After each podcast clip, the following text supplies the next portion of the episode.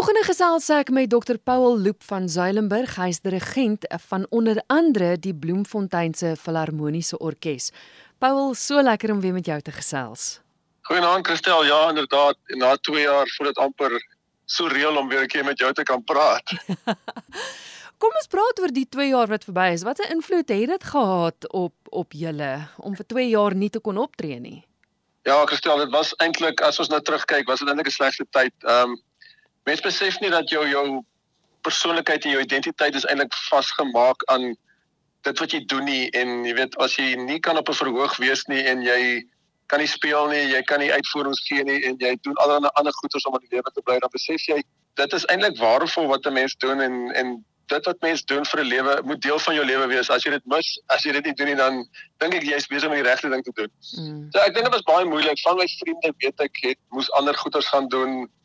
Moes maar uit die bedryf klim. Ek het stories gehoor van ouens wat hulle instrumente moes verkoop om aan die lewe te bly. Daar dit dit het, het sleg gegaan. Ehm um, ek kon net sien hoe opgewonde was almal toe ons hoor ons kon weer begin speel. Ek dink die eerste konsert wat ons nou gedoen het hierdie jaar was by Klein Karoo Kunstefees en net die net die ehm um, energie wat daar was van die spelers se kant net om weer saam mekaar te kon werk. Dit was fantasties. So nee, dit het het het het groot invloed op ons gehad, maar ek dink mens kyk vorentoe en jy jy jy's net bly dat jy dit weer kan doen. Ja. Nou die rede waarom ek en jy gesels is omdat die Bloemfonteinse Filharmoniese Orkees vanjaar hulle 10de bestaanjaar vier. Baie geluk. Hoe dit 10 jaar terug gebeur. Herinner ons net gou-gou weer. Ja, ek het ek het eintlik ek het eintlik nie besef vir 10 jaar nie. Jy weet mens mens mens gaan mos met hierdie lewe en jy doen wat jy moet doen en dan skielik besef jy maar jou 10 jaar het verbygegaan. 2012 was 'n jaar wat die Vrystaat Simfonie Orkees nogal swaar getrek het finansiëel en op 'n stadium gelyk of daardie orkes nie sou voortbestaan nie. En ek het in 'n orkesrepetisie gesit en vir die mense om my gesê, "Dis kom ons begin net 'n orkes want ons moet aanhou speel. Ons kan nie dat ons nie speel nie want dis wat ons tog doen en dit ons uh die konsep van die stadsorkeste uitgedink as dit ware waar jy weet ons ons speel met professionele spelers maar ons ons nooi amateurs om deel te wees daarvan en skep hierdie hele geleentheid waar mense kan speel wat eintlik andersins nooit die kans sou hê om in 'n orkes op 'n verhoog te sit nie. Hmm. In 2012 April het ons ons eerste konsert gedoen en van daar af het dit net groter geword totdat ons nog 'n orkes in, in Stellenbosch begin het en en en ook in Pretoria. So ja, nou nou skielik besef ek maar, joh, 10 jaar het verbygegaan en 20, 30 verskillende shows daarna, hier staan ons weer en en en ons kan dit weer nog steeds doen. Vinnig het nou die twee ander orkeste genoem. Dit is die een in Stellenbosch en dan die die Capital City Orchestra. Dis die een in Pretoria wat jy begin het, né? Korrek, ja. Ons het ons het hom aan die gang gekry net hier so so einde 2019 natuurlik was dit nie 'n goeie tyd om iets nuuts te begin nie want binne 6 maande daarna was alles dood. So ons ons gaan nou maar weer van voor af daardie daardie projek aan die gang moet kry. Ek kry die hele tyd vrae van die spelers wanneer speel ons weer.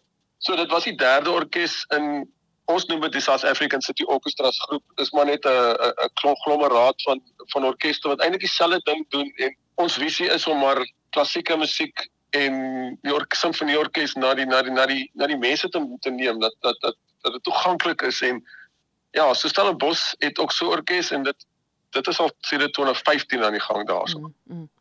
Om terug te kom by die Bloemfontein se orkes. Hoogtepunte oor hierdie afgelope 10 jaar. Ek weet dit is moeilik, ja, maar maar is daar iets wat ja, uitstaan? Ja, dis nou 'n vraag. ek dink eerstens aan ons het 'n Space Odyssey konsert gedoen wat ons Planet van Holst en Star Wars se eerste suite gedoen het met visio, die visuele ehm um, agtergrond in die in die Sandoplisie teater. Dit was ek dink vir my 'n hoogtepunt want dit was net ongelooflik en dan ek dink ek aan die Queen konsert wat ons ook daar in die teater gedoen het. Dit was ook ja, saam met uh, Joseph Clark. Ek dink daai is my seker ek terug aan die twee hoogtepunte. Maar in elke konsert is eintlik sy spesiale moment ook en mm. en, en daar was daar was fantastiese goeders wat gebeur het en my seun sê altyd dis 'n hy noem die Engelse woord hy sê 'n miracle orchestra. Hy sê hy verstaan nie hoe dit gebeur nie, maar as ons weer sien en daar weer een of ander projek wat wat geslaagd is en wat wat werk Maar ek dink daai twee was regtig te staan uit as ek nou soms so vinnig moet dink. En dan laagtepunte, ek weet dit klink nou baie negatief en dit is seker nie 'n laagtepunt nie, buite na die 2 jaar wat jy nie kon speel nie, maar in plaas van laagtepunt, kom ons sê eerder wat is een van die grootste lesse wat jy in die afgelope 10 jaar geleer het? Ek dink daar's daar's met hierdie projekte is daar's baie uitdagings. Jy jou finansiële uitdagings is eintlik seker die grootste, want daar's eintlik nooit genoeg geld om dit te laat gebeur nie en jy kry eintlik weinig ondersteuning van enige ander uh kant. Jy moet altyd die gehoor mobiliseer om te kom want as hulle nie kom nie is daar nie kaartjies nie is daar nie orkes nie. Mm. Ek dink dit was die grootste uitdaging. Ek dink dit is ook 'n 'n projek wat jy met mense werk en dit gaan oor mense. Dis eintlik waar dit gaan. Dit gaan oor die mense en die mense se verhoudings en hoe hulle integreer in die orkes. Nie net die mense in die orkes self nie, maar ook hoe ons uitstraling is na die gehoor toe En ek het ook besef dat hier in Bloemfontein veral het ons 'n uitdaging wat betref ons spelers is besig om min te raak. Ons het ons ons ou professionele mense wat ons altyd op kon staat maak spesiaal om af te tree, spesiaal om weg te gaan. Studente studeer nie meer hierso om musiek nie. Hmm. Ons het letterlik nie meer genoeg spelers nie. Um ek moet nou al vir hierdie konserte begin mense invlieg en dit die koste daarin is net vir ons te hoog. Ons kan dit nie doen nie. Ek dink dit is ons ons groot uitdagings op wat ek deur die deur die jare opgetel het. En ook dat ek dink die die die die ek wil amper sê opvoeding in musiek van die jeug het by die skole agtergebly. En hulle het nie meer 'n hulle verstaan nie meer wat wat wat klassieke musiek is. Hulle verstaan nie meer wat orkestrale musiek is nie. Hulle verstaan nie meer wat eintlik wat goeie musiek is nie. En en daardie het ons natuurlik ook 'n opvoedingstaak maar jy kan nie net opvoed nie. Jy moet jy moet ook iemand 'n ervaring gee so Ja, ek ek ek dink ons moet ons moet hard werk om ons ons gehore weer terug te bring. Dit is dit is dit is 'n groot probleem op die oomblik. Ja. Nou julle het konserte ter viering van hierdie 10 jaar. Vertel my, waar tree julle op? Goed, nou die Bloemfontein Orkees speel hierso in Bloemfontein die 7de Mei by uh, Universitas die Geloofsentrum. En ons doen daai selfde program herhaal ons dan op stel uh, in in Somerset West eintlik by die by die wynkelder van Lourensfort met die met die Stellenbosch Staatsorkes. -hmm. So 7 Mei hierso in Bloemfontein, 13 14 Mei in Somerset West. Vertel my van die program. Nou die program is eintlik dis ek het besluit ons gaan dieselfde titel hou as die oorspronklike konsert wat Classics and the Movies was. Daardie konsert het ons eerste helfte klassieke musiek gespeel, tweede helfte musiek het on, van die tweede helfte van die program het ons um, filmmusiek gespeel. Hierdie program het dieselfde naam, maar hy's 'n bietjie, jy kan sien ons is 10 jaar verder teen die teen die straat af. Ons ons bring ons wys die uittreksels uit die films op op op 'n video. En dis eintlik alles filmmusiek, maar daar is natuurlik klassieke musiek in dit. Ons het van Beethoven en van van van uh, Handel al die pad deur tot Daft Punk. So dit is 'n uh, dit is 'n moderne weergawe van daai van daai konsert. Dis ongelooflik. Is daar soliste wat saam met julle optree? Ja, ek's baie opgewonde. Ons uh, het, het het die kans gehad om sy so besig dat ons vir Lemel ken dit. Mm. Kon uitnooi saam met ons te kom sing. Ek het nou net saam met haar by uh, Klein Karoo gewerk. Sy's fantasties. Sy's fenomenaal.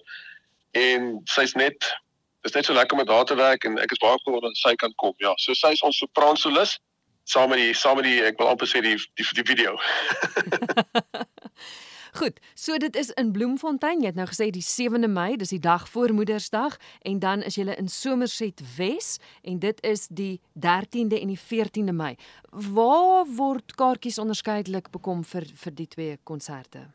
Vir albei konserte is dit aanlyn by Quicket, is nou maar die maklikste en dan sal kaartjies in Bloemfontein ook beskikbaar wees by die deure. Ja, jy het nou van julle uitdagings uitgelig, maar maar jou jou drome vir die orkes. Ek meen julle is nou julle is nou 10 jaar verder, hopelik is daar nog 10, 20, 30 jaar wat voor lê. Wat is jou drome? Ek, ja, ek ek mense vra my altyd oor jou drome en ek dink as mens te besig is, het jy nie altyd so baie drome nie. Jy's net besig om om te oorleef, né? Nee. ja. Ehm um, ek dink vir my my groot droom is dat Pretoria Orkees dieselfde lewensvatbaarheid sal kry as ehm um, as die twee orkeste wat ons so so so, so ver aan die gang het. En dit was natuurlik die droom om die hele projek Europa toe te neem en ons sou 'n konsert in Holland gedoen het in die begin van 2020 en toe het COVID natuurlik alles vernietig. So daai droom is nog steeds nie dood nie. Ek sou baie graag nog steeds in Europa hierdie wat ons hier doen soontoe wil neem as ons miskien meer 'n Afrika element kan saamneem. Maar ek dink die konsep van die tipe orkes wat ons professionele en amateur mense bymekaar sit en dan regtig professionele eindproduk aan die aan die aan die, die gehoor lewer. Ek sou graag daai konsep in Europa ook wou bekendstel.